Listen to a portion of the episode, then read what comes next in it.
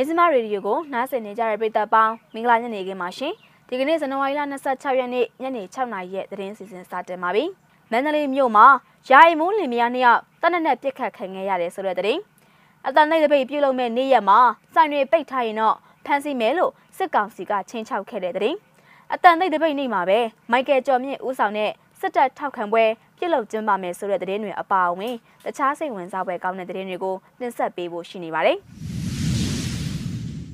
ဦးဆောင်သတင်းသဘုံအနေနဲ့မန္တလေးမြို့မှာဒီကနေ့ဇန်နဝါရီလ26ရက်နေ့မနက်ပိုင်းကရက်ကွက်ယာယီမှုလင်မယားနှစ်ယောက်တနက်နဲ့ပြစ်ခတ်ခံခဲ့ရတာဖြစ်ပြီးတော့ဇနီးဖြစ်သူပွဲချင်းပြီးတေဆုံးသွားကြောင်းသိရှိခဲ့ရတာပဲဖြစ်ပါတယ်။မြို့တင်9ရက်ကွက်ထဲကရက်ကွက်လူကြီးနဲ့သူမိမအပြစ်ခံရတာပါ။လင်မယားနှစ်ယောက်ဈေးကပြန်လာတာကိုကြောင်းရှိမှတနက်နဲ့ပြစ်လိုက်တာပါ။သူမိမကပွဲချင်းပြီးတေတယ်။သူ့ကိုတော့စိတ်ယုံကားနဲ့ခေါ်သွားတာတွေ့တယ်လို့အခေးဖြစ်စဉ်အနီးမှာနေထိုင်သူတို့ကပြောကြားခဲ့တာပါ။ချမ်းမြတာစီမြို့နယ်မြို့တင်9ရက်ကွက် ရိုင်မှုဦးလာမြင့်နဲ့ဇနီးဖြစ်သူဒေါခင်မျိုးဦးတို့ဟာဒီကနေ့မနက်၈နာရီခွဲဝန်းကျင်ကဈေးကနေအိမ်ကိုပြန်လာနေတော့မှာပဲ131လမ်း69လမ်းနဲ့လမ်း80ကြားအမက16ကျောင်းရှိမှာလူနေဦးကတနက်နဲ့ပြစ်ခတ်သွားခဲ့တာပဲဖြစ်ပါတယ်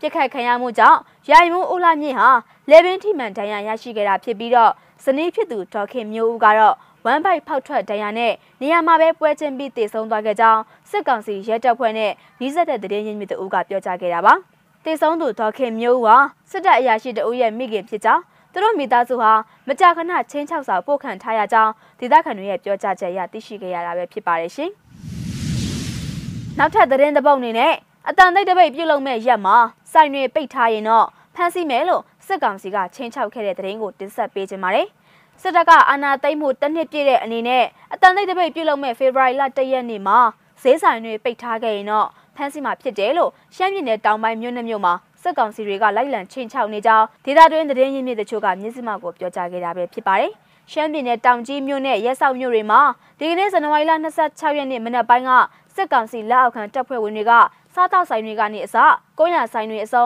ဆိုင်တွေမပိတ်ဖို့အတွက်ကိုလိုက်လံပြောကြားနေတာဖြစ်ပြီးတော့လက်မှတ်ထိုးခိုင်းနေတယ်လို့သိရပါတယ်။ဖေဖော်ဝါရီလ၁ရက်နေ့ရောက်ရင်စိုင်မပိတ်ဖို့ဆိုပြီး စားတောက်ဆိုင်တွေကုန်းရဆိုင်တွေကအကုန်လက်မှတ်ထိုးခိုင်းနေတယ်စိုက်ပိတ်ရင်ဖမ်းမယ်ဆိုပြီးချင်းချောက်သွားတယ်တောင်ကြီးမြို့ပေါ်မှာအရင်တစ်ခေါက်ကပိတ်လို့အရေးယူခံထားရတဲ့ဆိုင်တွေကိုလည်းထပ်ပြီးပြောသွားတယ်ဖမ်းခံရမယ်ဒဏ်ငွေပါရိုက်မယ်လို့ပြောသွားတယ်ဆိုပြီးတောင်ကြီးမြို့ခံတူကဆိုခဲ့တာပါလာမယ့်ဖေဖော်ဝါရီလ၁ရက်နေ့မှာတနိုင်ငံလုံးအတိုင်းအတာနဲ့ဆရာနာရှင်အလိုမရှိကြောင်းပြည်တော်ဝင်ဖို့ရုံကြဆိုလို့နာမည်ပေးထားတဲ့အတန်သိပ်တစ်ဖိတ် silent strike ကိုမနက်7:00နာရီကနေညနေ4:00နာရီထိပြုလုပ်သွားမှာပဲဖြစ်ပါတယ်။ ဒါအပြင်ညနေ4:00နာရီအချိန်မှာတော့လက်ခုပ်သီးတပိတ်အတန်ထွက်တပိတ်ကိုပါတစ်ဆက်တည်းပြုလုပ်ဖို့အတွက်ရှိနေတာဖြစ်ပြီးတော့လက်ခုပ်သီးတာတွေကာဟုန်သီးတာတွေနဲ့တန်မုံသီးတာတွေကိုပါပြုလုပ်ဖို့အတွက်တော်လရင်အင်အားစုတွေကတိုက်တွန်းထားတာပဲဖြစ်ပါတယ်ရှင်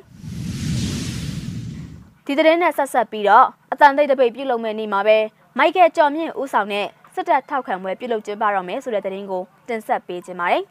မြန်မာနိုင်ငံမှာစစ်တပ်ကအာဏာသိမ်းပြီးတဲ့နောက်တနိုင်ငံလုံးပူဆွေးတော့ကရောက်နေကြရတဲ့ စစ်အာဏာသိမ်းမှုတစ်နှစ်ပြည့်တဲ့အနေနဲ့စစ်ကောင်းဆောင်တွေကိုဆက်လက်အာဏာဖီဆန်ခြင်းပြည်သူတော်လှန်ရေးအရှိန်မြင့်တင်မှုအတွက် Silence Drive အတန်သိပ်တပိတ်ပြုလုပ်မဲ့ဖေဖော်ဝါရီလ၁ရက်နေ့မှာမိုက်ကယ်ကျော်မြင့်ဦးဆောင်တဲ့စစ်တပ်ထောက်ခံပွဲပြုလုပ်ဖို့အတွက်စီစဉ်နေကြတာပဲဖြစ်ပါတယ်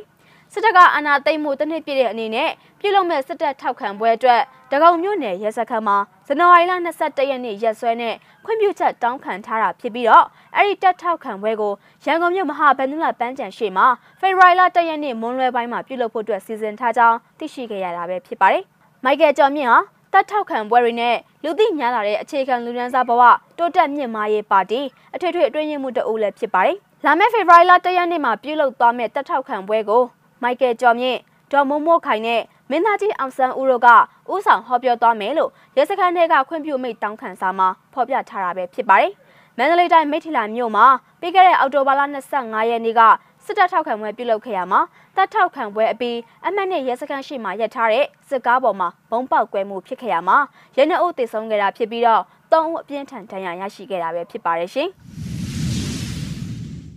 နောက်ဆုံးသတင်းသဘုတ်အနေနဲ့ကျိုးစုမြို့နယ်မှာ NLD ပါတီဥက္ကဋ္ဌရဲ့နေအိမ်ကိုစစ်ကောင်စီတရားရုံးကဝရမ်းစာလာကတ်ခဲ့တဲ့သတင်းကိုတင်ဆက်ပေးကြပါမယ်။တနင်္လာရီတိုင်းဗိတ်ခရိုင်ကျိုးစုမြို့နယ်မှာအမျိုးသားဒီမိုကရေစီအဖွဲ့ချုပ်ဥက္ကဋ္ဌရဲ့နေအိမ်ကိုစစ်ကောင်စီလက်အောက်ခံမြို့နယ်တရားရုံးကနေဒီကနေ့ဇန်နဝါရီလ26ရက်နေ့ကဝရမ်းလာရောက်ကတ်သွားကြောင်းဒေသခံတွေရဲ့ပြောကြားချက်အရသိရှိရပါတယ်။ဦးအောင်မြတ်ထိုးဆိုသူရဲ့နေအိမ်ဝရမ်းကတ်ခံခဲ့ရတာဖြစ်ပြီးတော့သူဟာစစ်ကောင်စီက905ကကြီးနဲ့ဝရမ်းထောက်ခံထားရသူဖြစ်တဲ့အပြင် ကျွန်းစုမြို့နယ်အမျိုးသားဒီမိုကရေစီအဖွဲ့ချုပ်ရဲ့မြို့နယ်ဥက္ကဋ္ဌတဦးလည်းဖြစ်က2020ရွေးကောက်ပွဲအနိုင်ရတိုင်းဒေသကြီးလွှတ်တော်ကိုယ်စားလှယ်တဦးလည်းဖြစ်ပါတယ်။ကျွန်းစုမြို့နယ်ဒေသခံတဦးကတော့လက်ရှိသူတို့မိသားစုအားလုံးကျွန်းစုမှာမရှိပါဘူး။စစ်တပ်ကအနာသိန်းကလေးကတင်းရှောင်နေတာဖြစ်ပါတယ်လို့ပြောကြားခဲ့တာပဲဖြစ်ပါတယ်။သူ့ရဲ့နေအိမ်ကိုကတ်ထားတဲ့ရန်အမိန့်ကိုမြို့နယ်တရားရုံးကဇန်နဝါရီလ18ရက်နေ့ရက်စွဲနဲ့ထုတ်ပြန်ထားခဲ့ပေမဲ့ဇန်နဝါရီလ25ရက်နေ့မှာလာရောက်ကတ်သွားတာပဲဖြစ်ပါတယ်။ အဲ့ဒီဝရန်အမိန့်မှာတော့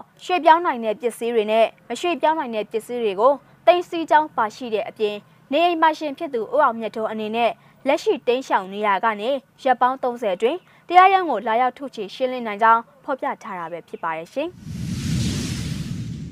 ဇန်နဝါရီလ26ရက်နေ့ညနေ6:00နာရီထိနောက်ဆုံးရရှိထားတဲ့သတင်းတွေကိုမြစမရေဒီယိုကနေထုတ်လွှင့်တင်ဆက်ပေးခဲ့တာပါ။နားဆင်ပေးခဲ့တဲ့အတွက်ကျေးဇူးတင်ပါတယ်ရှင်။